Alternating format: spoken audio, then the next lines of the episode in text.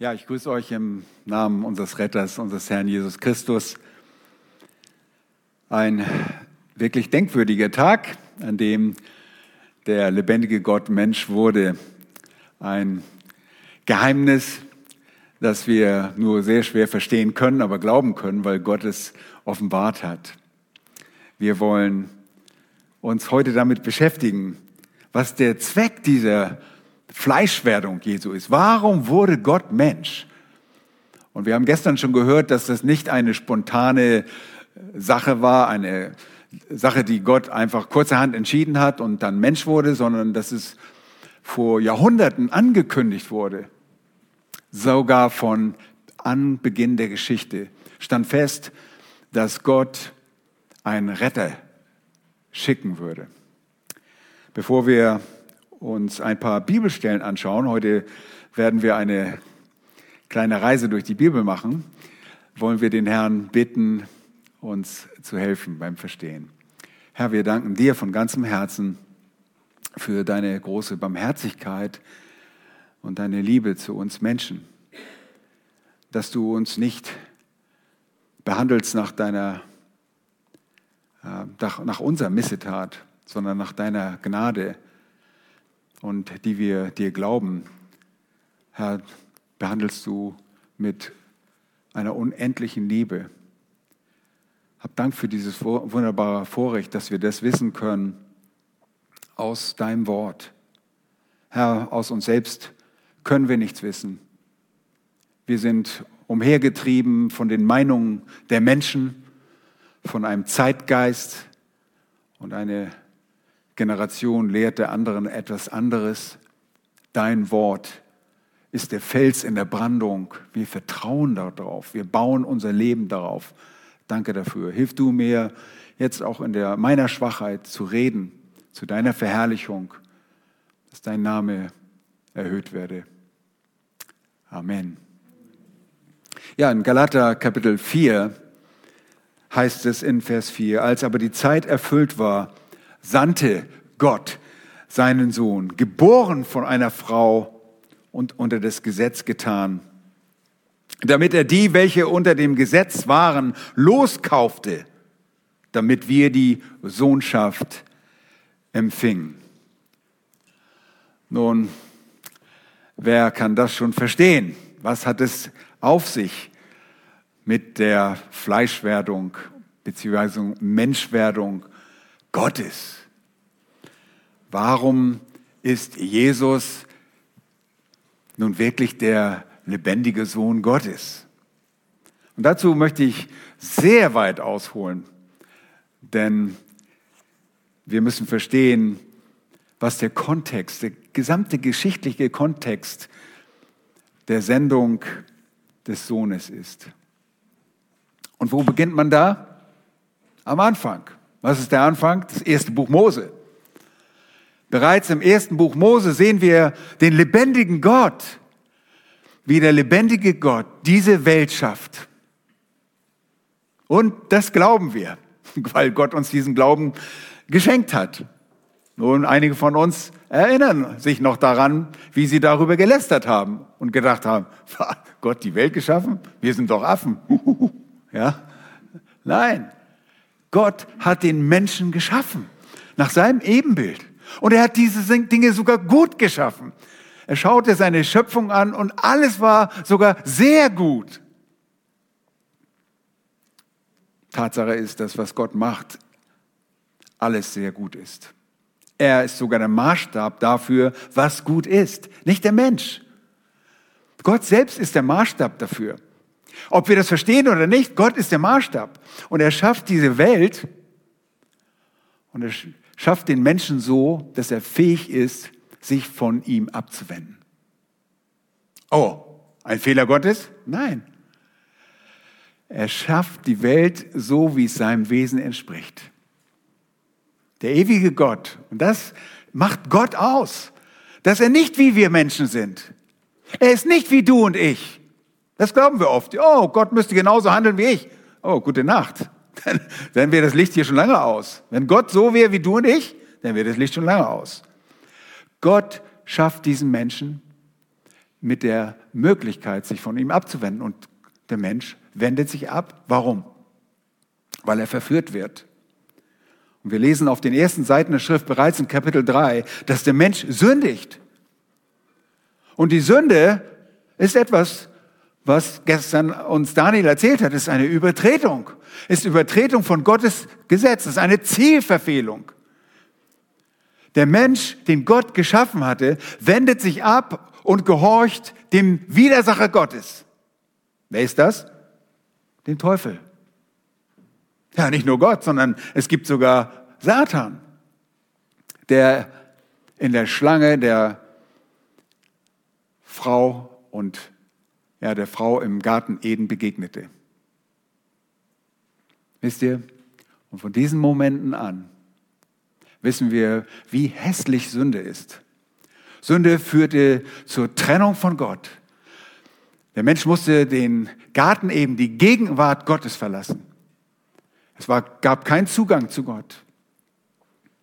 Aber in all diesen schrecklichen Nachrichten, und ihr wisst, wovon ich rede, lesen wir, und wir lesen das noch ein weiteres Mal, in 1.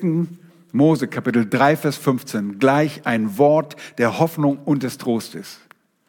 Und zwar sagt Gott selbst der Schlange direkt ins Auge, direkt auf den Kopf. Ich will den Kopf nicht verwenden, weil sein Kopf wird gerade wird zertrümmert werden in diesem Vers.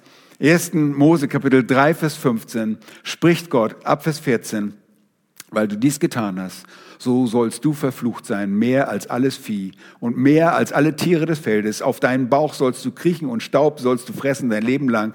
Und ich will Feindschaft setzen zwischen dir und der Frau, zwischen deinem Samen und ihrem Samen.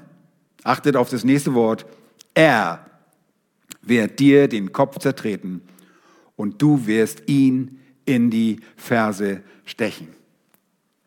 Oh, hier steht nicht ganz offensichtlich, wer dieser Er ist.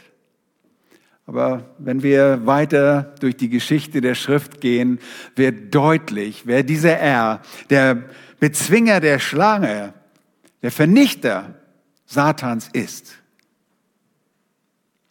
Es ist der Sohn Gottes.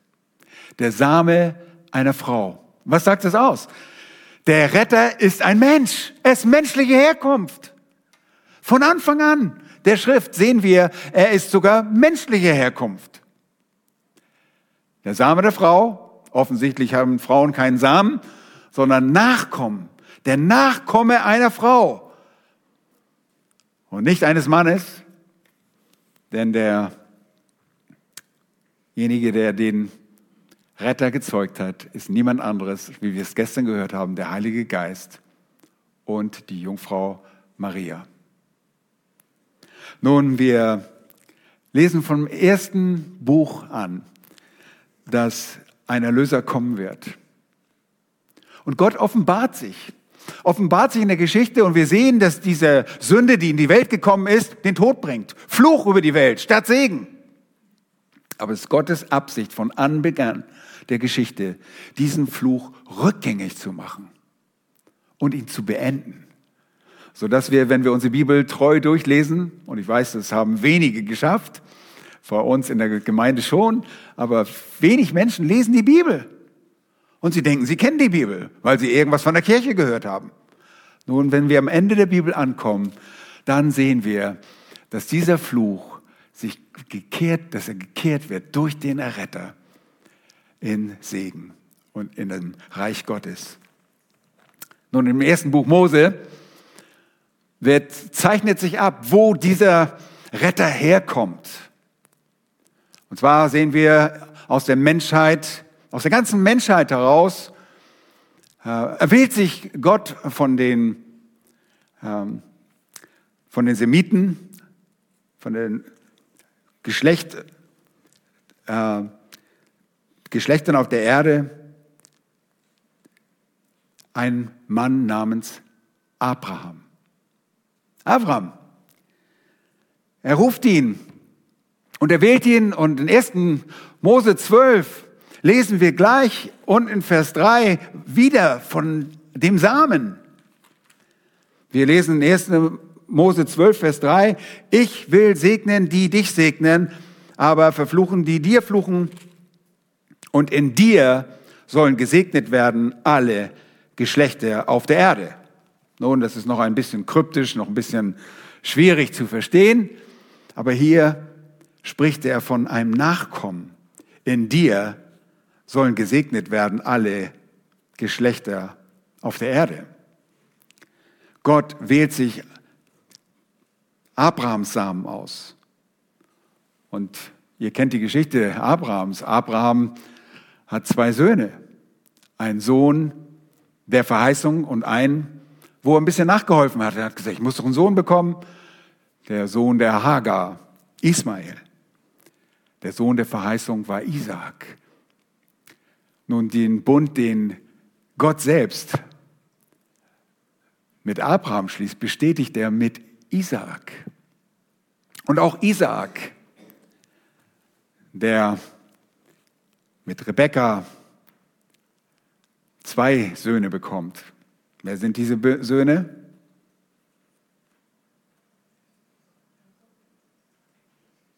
Und Esau, ja? Wer ist der Erwählte? Jakob. Und aus Jakob wird Israel.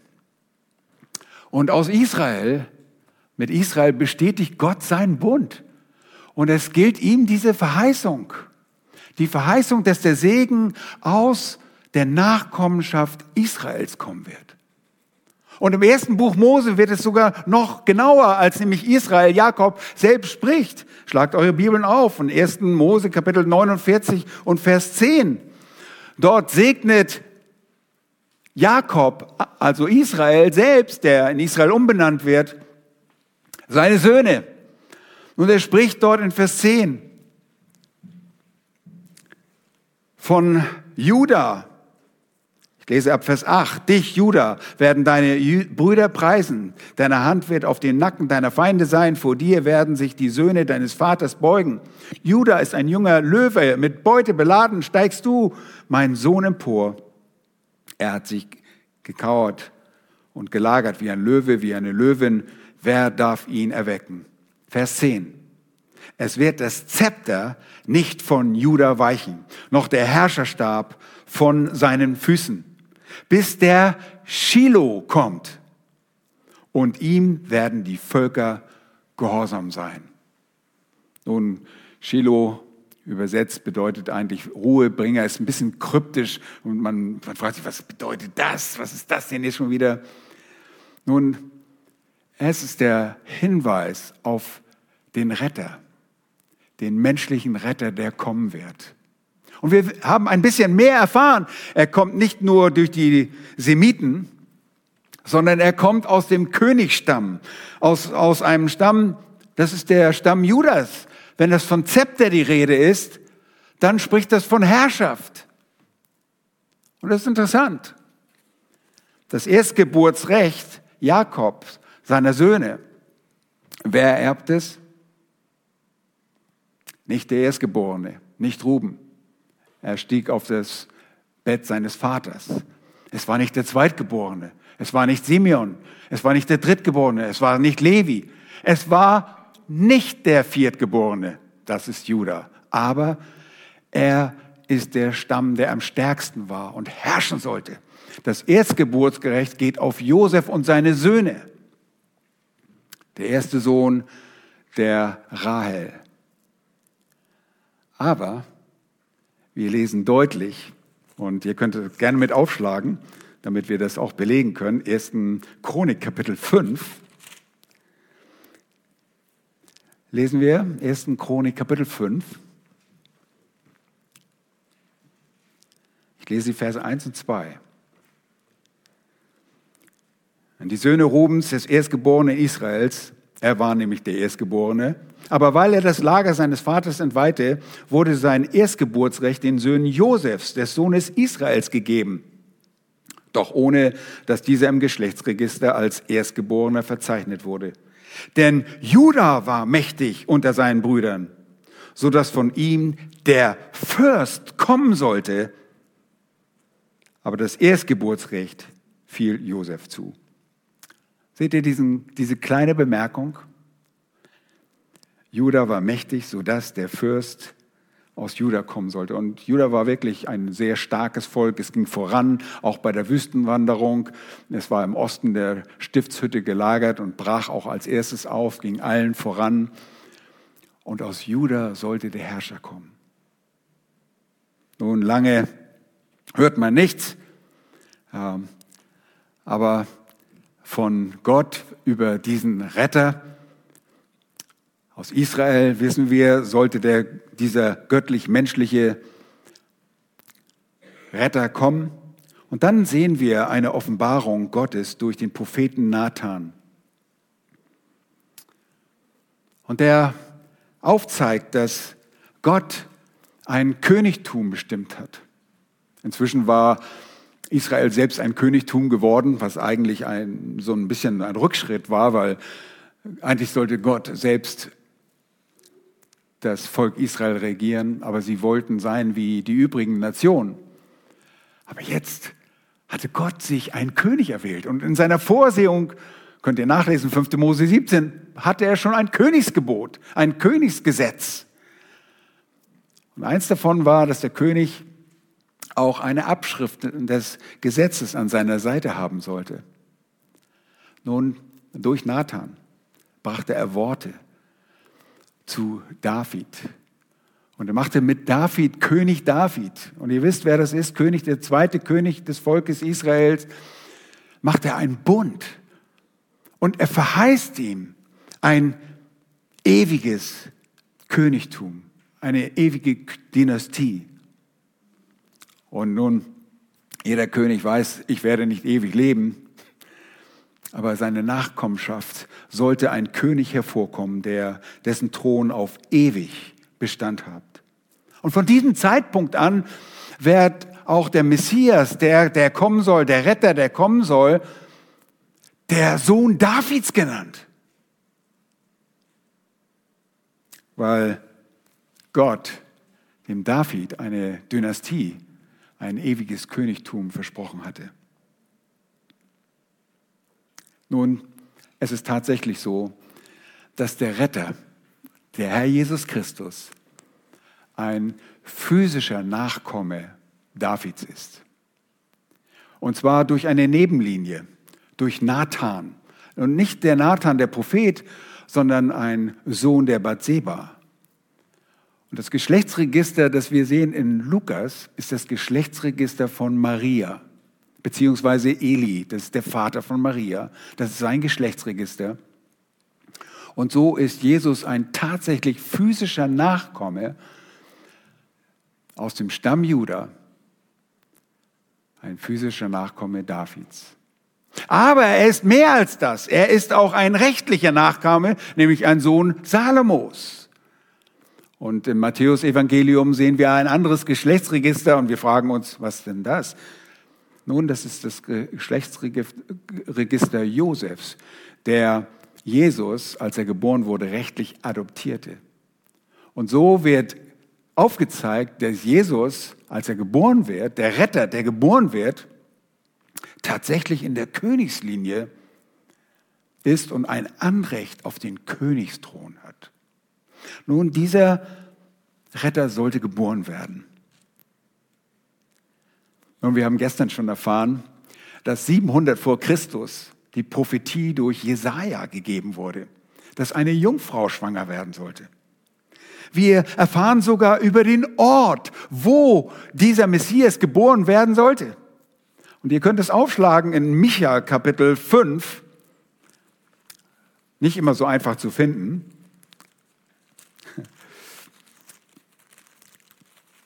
Micha, Naum,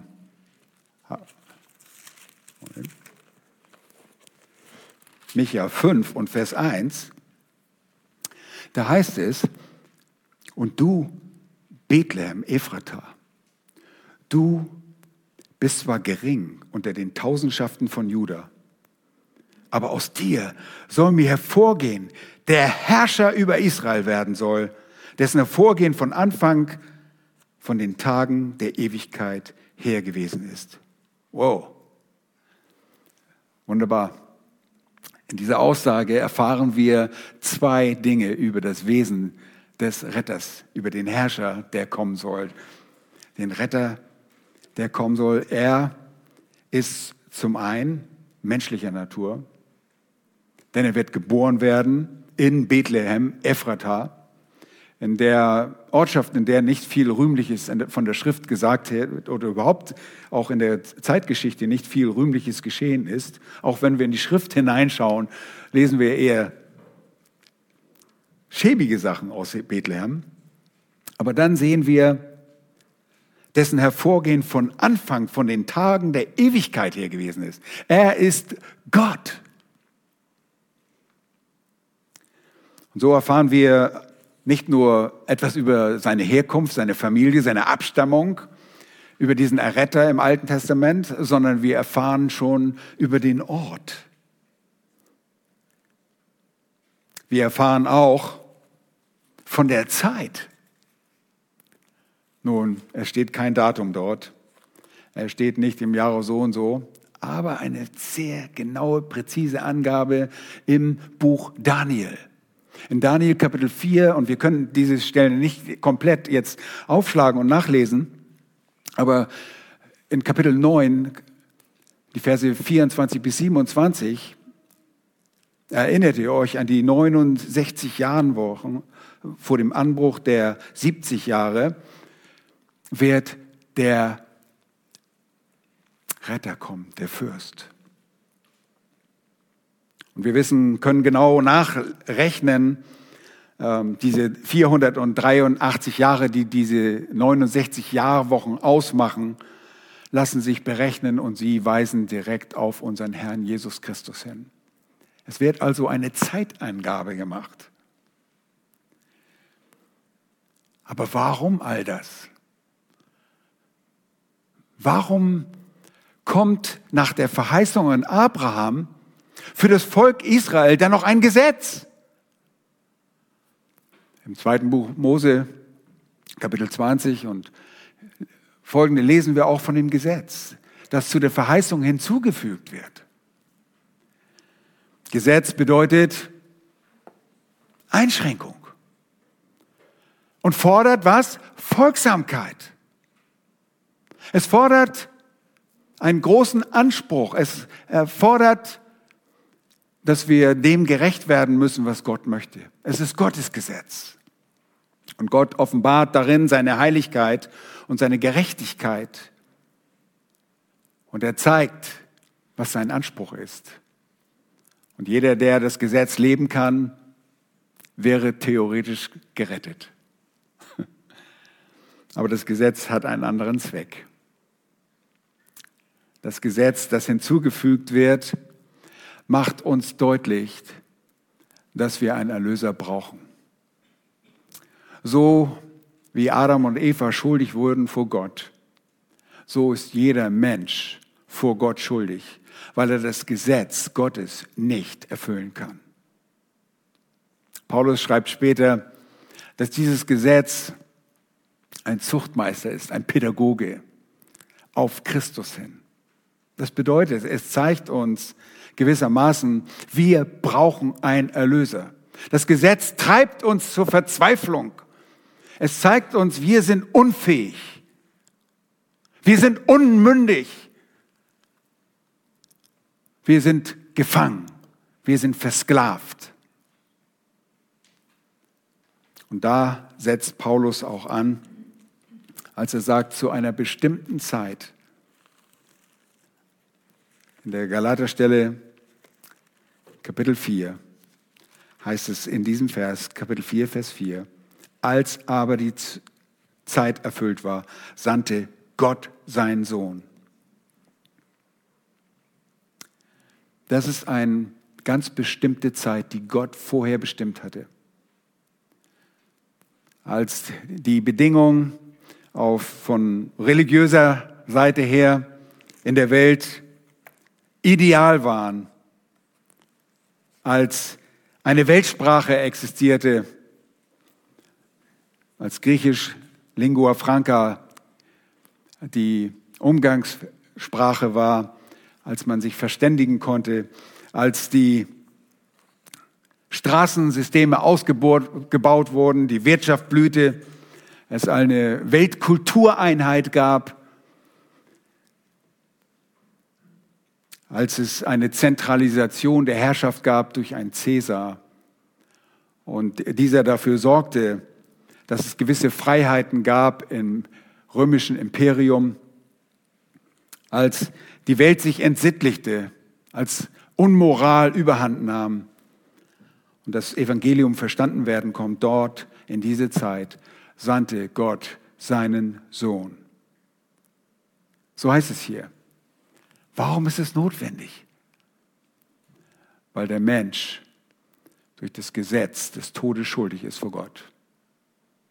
Und nicht nur den, der physische Tod. Die Bibel sagt im Römerbrief, der Sünde Lohn ist der Tod. Der Tod, der physische Tod, aber mehr, der zweite Tod ist die ewige Trennung von Gott. Und es besteht nur eine Hoffnung, dass jemand kommen würde, der die, Gerechtigkeit, die geforderte Gerechtigkeit Gottes erfüllen würde. Und genau das sagt der Text in Galater 4, Gott sandte seinen Sohn von einer Frau unter das Gesetz getan. Auch Jesus Christus wurde als ein Israelit geboren und war unter dem Gesetz und er war der Einzige, der das Gesetz erfüllen konnte, alles tun konnte, was vom Gesetz gefordert wurde. Und er wurde von einer Frau geboren und unter das Gesetz getan, damit er die, welche unter dem Gesetz waren, loskaufte. Wir waren versklavt unter das Gesetz. So wie selbst die Heiden versklavt waren unter Gesetzmäßigkeiten. Wir können dem Gesetz Gottes nicht gerecht werden. Er musste es erfüllen, damit er selbst als ein Gerechter dem, ähm, der Sünde sterben konnte, beziehungsweise den, den Versklavten von der Sünde befreien konnte. Da ist es, damit er die, welche unter dem Gesetz waren, loskaufte. Auf dem Sklavenmarkt kaufte man Sklaven frei und kaufte man Sklaven an. Und so kam es zu einem Eigentümerwechsel. Jesus kaufte von dem Gesetz los, von der Sklaverei des Gesetzes, wo es immer wieder heißt, ich muss das tun, um Gott gerecht zu werden, so wie die Menschen auch in anderen Religionen immer denken, wir müssen irgendetwas tun, damit wir Gott zufriedenstellen. Das kennt ihr aus anderen Religionen. Sie haben ihre eigenen Gesetzmäßigkeiten, ihre eigenen Grundsätze, ihre armseligen, sagt er, Vers 9, Kapitel 4, Vers 9, ihre armseligen Grundsätze. Auch das konnten die Menschen nicht erfüllen. Sie können Gott nicht gefallen. Sie können Gott nicht gerecht werden. Gott fordert eine absolut perfekte Heiligkeit vom Gesetz her. Und so ist das Gesetz für uns erdrückend. Es ist unser Zuchtmeister. Es lässt uns schreien, Herr, hilf du uns. Es ist unser Pädagoge. Wir sind wie Sklaven. Und selbst als solche, die noch unmündig sind, warten darauf, dass wir endlich Söhne werden, dass wir endlich befreit werden von dieser Sklaverei des Gesetzes. Nun, Herr Jesus Christus kam. Er lebte auf dieser Welt. Er wurde Mensch. Großes Geheimnis. Der ewige Geist wurde Mensch. Er wird Mensch, geboren in einer Krippe. Wir haben es gesungen. Er lebte ein perfektes, heiliges Leben und stirbt stellvertretend den Tod, den du und ich verdient haben aufgrund unserer Sünde. Das Gesetz forderte es. Jeder, der schuldig ist vor dem Gesetz, vor einem Aspekt des Gesetzes und nur an einem Gesetz, ist des kompletten Gesetzes schuldig und des Todes würdig. Gott forderte diese Gerechtigkeit und nur Jesus selbst, das fleischgewordene Wort, der ewige Gott, der menschgewordene Gott, konnte dieser Anforderung gerecht werden und kam aus diesem Grund, um uns zu erlösen, die wir an seinen Namen glauben. Ein wichtiger Zusatz. Erlösung ist nicht ein Automatismus. Erlösung geschieht, indem wir glauben, was Gott sagt. Wir leben nicht im Schauen. Und wir können heute fragen, was haben wir davon? Jesus hat damals gelebt, ist gestorben. Er ist auch auferstanden. Er hat den Tod besiegt. Er ist zurückgekehrt in die Herrlichkeit seines Vaters, von wo er zurückkommen wird. Woher wissen wir das? Aus der Schrift. Und er wird sein Reich auf dieser Erde aufbauen. Und zwar mit denen, die mündig geworden sind. Solche, die vom Gesetz befreit worden sind, von der Tyrannei dieses Gesetzes. Weil Christus für uns das Gesetz erfüllt hat, sind wir Söhne Gottes. Und Söhne sind Erben. Wisst ihr, bis Johannes der Täufer kam, wurde das Gesetz gepredigt. Von da an änderte sich die Botschaft. Es wurde das Evangelium vom Reich Gottes gepredigt, weil Jesus derjenige sein würde, der von diesem Gesetz befreien würde. Im Römerbrief heißt es in Kapitel 8, ich lese die Verse vor, Vers 3. Denn was dem Gesetz unmöglich war, weil es durch das Fleisch kraftlos war, das tat Gott, indem er seinen Sohn sandte, in der gleichen Gestalt wie das Fleisch der Sünde und um der Sünde willen und die Sünde im Fleisch verurteilte, damit die vom Gesetz geforderte Gerechtigkeit in uns erfüllt würde, die wir nicht gemäß dem Fleisch wandeln, sondern gemäß dem Geist. Seht ihr, wir, die wir im Fleisch waren, die wir tot waren in unseren Sünden, wir waren Feinde Gottes. Gott liebte uns so sehr, dass er uns erlöste in der Kraftlosigkeit unseres Fleisches. Wir waren kraftlos, wir konnten nichts machen. Wir konnten seinen Bestimmungen nicht gerecht werden. Unmöglich. Deshalb heißt es auch, er liebte uns, als wir noch Sünder waren. Nun, wir sündigen noch, aber wir sind nicht charakterisiert dadurch. Wir sind keine perfekten Christen, sind auch nicht perfekt. Wir fallen auf die Nase. Wir müssen uns immer wieder reinigen von der Sünde, aber die Grundlage dafür ist, dass der Herr Jesus Christus uns befreit hat von der Sklaverei der Sünde. Das Fleisch ist kraftlos. Gottes Geist hat eingegriffen in unserem Leben hat uns neues Leben geschenkt. Und jetzt sieht Gott der Vater, der seinen Sohn gesandt hat, er sieht die Gerechtigkeit seines Sohnes in uns, die uns durch den Glauben und aus Gnade allein zugeschrieben wird. Und was nützt uns das? Der Fluch ist abgekehrt. Der Zorn liegt auf ihm. Am Kreuz wurde der Zorn, der uns hätte treffen müssen, hat ihn getroffen. Wir sind freigesprochen. Wir gehen als Lebende hervor, als ewig Lebende. Deshalb sagt die Schrift, wer an, das so, wer an den Sohn Gottes glaubt, der hat das Leben. Der hat das Leben jetzt. Du kannst sein, ja, komm, ich schieße dich tot. Ja, bin ich tot, dann ist mein Fleisch. Ich sage, mein Fleisch könnt ihr gerne haben. Das wird sowieso immer älter und gammeliger, ja. Aber mein Geist lebt. Und ich werde einen Auferstehungsleib bekommen.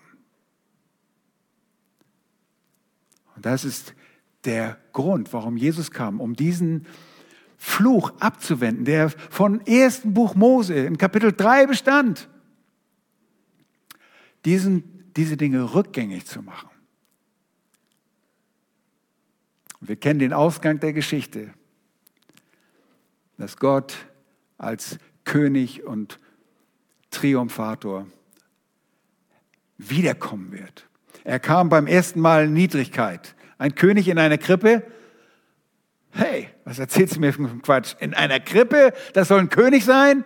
Oh, wir können das Lästern der Gottlosen hören. Aber Gott kommt in Macht und Herrlichkeit.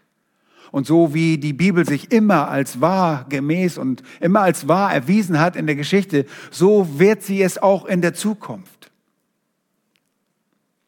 Nun, das ist eins der Hauptanliegen der Fleischwerdung Jesu Christi. Aber, hört gut zu, diese Dinge dienen Gott zu seiner eigenen Verherrlichung. Es geht nicht in erster Linie um uns Menschen. Es geht um seine Herrlichkeit. Das hat Gott sich ausgedacht. Sowas denkt sich nicht Mensch aus. Wir würden nicht auf die Idee kommen, für Sünder zu sterben, für solche Typen wie uns? Niemals. Aber Gott stellt seine Herrlichkeit, besonders die Herrlichkeit seiner Gnade, unter Beweis, indem er uns Sünder vergibt. Und er ruft jeden auf, kommt her, die ihr mühselig und beladen seid. Ich will euch erquicken. Ich vergebe dir. Jeder, der zu mir kommt, den werde ich nicht hinausstoßen. Das ist göttlich. Wir würden immer sagen als Menschen, ah, wenn du mir was getan hast, ich gebe dir mal zehnfache zurück. Ja, das ist, Rache ist süß, ja, kennen wir. Nein, das ist nicht göttliches Denken. Gott wird sich rächen an denen, die sein Wort ignorieren. Er wird sie sogar verdammen. Das ist die ewige Verdammnis. Das lehrt die Schrift. Das ist nicht eine Erfindung der mittelalterlichen Kirche oder irgendwelches mittelalterliches Gedankengut, sondern das ist Gottes Wort. Gott sagt, glaubt an mich. Wer an mich glaubt, der ist vom Tode zum Leben hindurchgedrungen. Alle anderen bleiben im Gericht. Der Zorn Gottes bleibt über ihn. Und ich lese euch das vor. Aus der Heiligen Schrift heißt es in Johannes Kapitel 3 und Vers 36. Wer an den Sohn glaubt, der hat das ewige Leben. Wer aber dem Sohn nicht gehorcht oder glaubt, der wird das Leben nicht sehen, sondern der Zorn bleibt auf ihm. Wir stehen als Sünder unter dem Zorn Gottes. Und können jetzt, weil Jesus Christus Mensch wurde, mit ihm reden. Er ist gestorben und auferstanden, er lebt. Wir reden nicht zum toten Gott. Wir lesen, wir reden zu diesem Gott und bitten dich, ihn, erbarme dich meiner. Und er wird es hören. Und er vergibt uns alle unsere Schuld. Ist das ein Deal? Das ist gute Nachricht. Gute Nachricht, dass Gott nicht einen Katalog von meinen Sünden rausholen wird. Und der wäre lang, der wäre wirklich lang. Alles ausgelöscht. Die Schuldschrift ist ausgelöscht. Und er hat alle Sünde hinweggetan. Und das ist sein Hauptzweck, durch seine Herrlichkeit, die Herrlichkeit seiner Gnade sich zu verherrlichen. Seine Ehre ist es, Menschen zu vergeben und so seine Größe und die Vollkommenheiten seiner Person unter Beweis zu stellen. Nun, wir können noch viele andere Gründe finden, warum Christus gekommen ist. Er ist gekommen, uns den Vater zu offenbaren im Fleisch. Es ist wirklich schwierig, sich vorzustellen, wie ein Geist ist, oder? Ich meine, wir können, wir können uns das ausdenken, uh, irgendwie so einen weißen Schleier über irgendwann drüber legen. Aber Gott ist Geist und er wurde Mensch, damit wir ihn verstehen können, damit Jesus Christus den Vater offenbaren können. Und Jesus selbst sagte, wer mich sieht, der sieht den Vater. Gott stellte seine Herrlichkeit durch seinen Sohn dar. Man kann Gott in der Schöpfung erkennen. Jeder Mensch kann durch Nachdenken erkennen, dass es Gott gibt, obwohl die Bosheit des Menschen das, dieses Wissen unterdrückt. Aber seine Gerechtigkeit, seine Vollkommenheit, seine Heiligkeit, seine Liebe, seine Gnade, kurz alles, was ihn ausmacht, seine ganzen Vollkommenheiten werden uns durch Jesus Christus geoffenbart. Und das haben wir gelesen. Im ersten Johannesbrief. Die Jünger haben gesehen, wir sahen seine Herrlichkeit voller Gnade und Wahrheit. Gnade und Wahrheit sind seine Herrlichkeit. Das tat der Herr Jesus Christus. Er kam, offenbarte den Vater. Und er kam, und weil er den Sieg errungen hat auf Golgatha, hat er auch Verheißungen erfüllt. Er kam, um Verheißungen zu erfüllen. Ob es die Verheißungen von Jesaja 700 vor Christus sind. Die Bibel ist geradezu voller Verheißungen. All das ist erfüllt. Oder die allererste, dass er der Schlange sagt, und die Schlange weiß von Anfang an der Menschheitsgeschichte, ich bin zum Tode verurteilt. Aber auch das macht der Herr wahr. Der Kopf wird zertreten. Und ihr wisst, eine Schlange, der man den Kopf zertritt, die ist tot, mausetot. Und ihr fragt euch, aber wieso ist immer noch so viel Herrschaft da? Nun, es geschieht alles in Etappen. Genauso wie es mit unserer Verherrlichung geht, oder? Wir würden manchmal uns wünschen, dass wir schon perfekt sind, dass wir nicht mehr sündigen. Die Sünde, die ekelt uns wirklich an. Aber wir kämpfen jetzt im Geist gegen diese Sünde, gegen den Feind, den Widersacher und werden eines Tages verherrlicht werden. Das sagt die Schrift. Genauso wird eines Tages, und ihr wisst, das ist vielleicht nicht die richtige Zeitbeschreibung, denn er wird kommen und er ist im Begriff wiederzukommen. Und dann wird er die Welt richten. Und er wird uns empfangen in sein ewiges Reich. Er wird die Werke des Teufels zerstören und hat damit begonnen. Indem wir nicht mehr folgen, nicht mehr dem Fleisch folgen, nicht nur unseren Gefühlen folgen, sondern dem folgen, was der Wahrheit entspricht.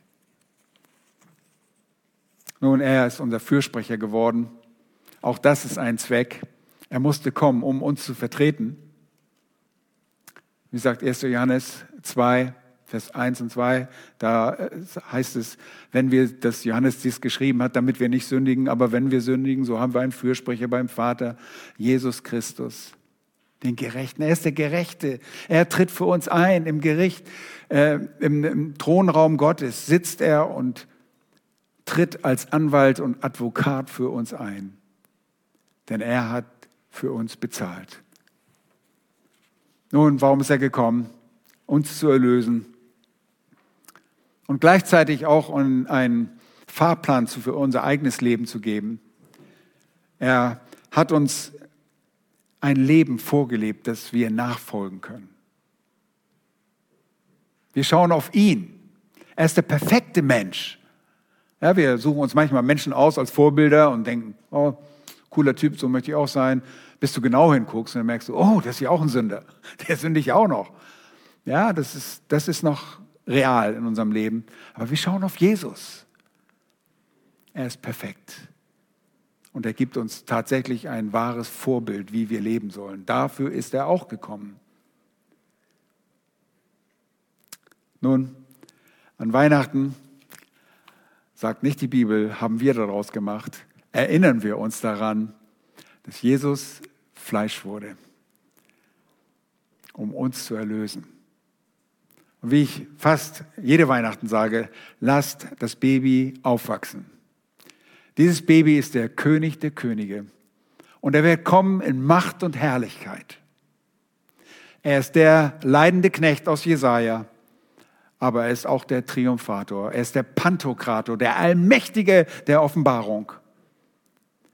Der Offenbarung Jesu Christi, der alles zu tun vermag. Möge der Herr schenken, dass wir ihm glauben. Dass wir nicht denken, Gott müsste so sein wie wir, wie du und ich, sondern ihn reden lassen in seinem heiligen Wort. Dieses Wort, das von Anfang an der Menschheitsgeschichte bekämpft wird. Immer wieder, so wie Gott was sagt, sollte Gott gesagt haben. Wir glauben diesem Wort. Und wir lieben dieses Wort. Und wir lieben dieses Wort, denn dieses Wort ist unser Gott. Jesus Christus ist das fleischgewordene Wort. Sein Name ist das Wort Gottes in der Offenbarung 19. Und das wollen wir tun. Wir danken ihm, dass er gekommen ist, um uns zu erretten. Lass uns beten. Herr, du bist gekommen, um Sünder zu retten. Herr, nicht Gesunde brauchen einen Arzt, sondern die Kranken. Und wir alle haben erkannt, dass wir dich brauchen. Ohne dich können wir nicht leben. Das Leben ist nicht lebenswert, ohne dich zu leben. Wir verfehlen unser Ziel, unsere eigentliche Bestimmung, wenn wir an dir vorbeilaufen, wenn wir dich ignorieren. Herr, werden wir dich zum Lügner machen, denn du hast dich bezeugt in deinem Wort. Dein Wort ist die Wahrheit. Danke, dass wir das in unserem Leben erfahren haben. Vergib uns, dass wir manchmal so schwach sind. Dass es sogar in unserem Leben Zeiten gibt, wo wir dein Wort nicht lesen und dann eigene Wege gehen und wie der verlorene Sohn, ja, hast du deine Arme weit auf für jeden, der zu dir kommt. Hab Dank dafür. Danke, dass wir uns auch immer wieder reinigen dürfen, dass du uns vergibst, weil du den Preis für die Sünde bezahlt hast. Wir sind dir so dankbar dafür und beten dich an. Danke, dass du auf die Welt gekommen bist, um Mensch zu werden. In Jesu Namen. Amen.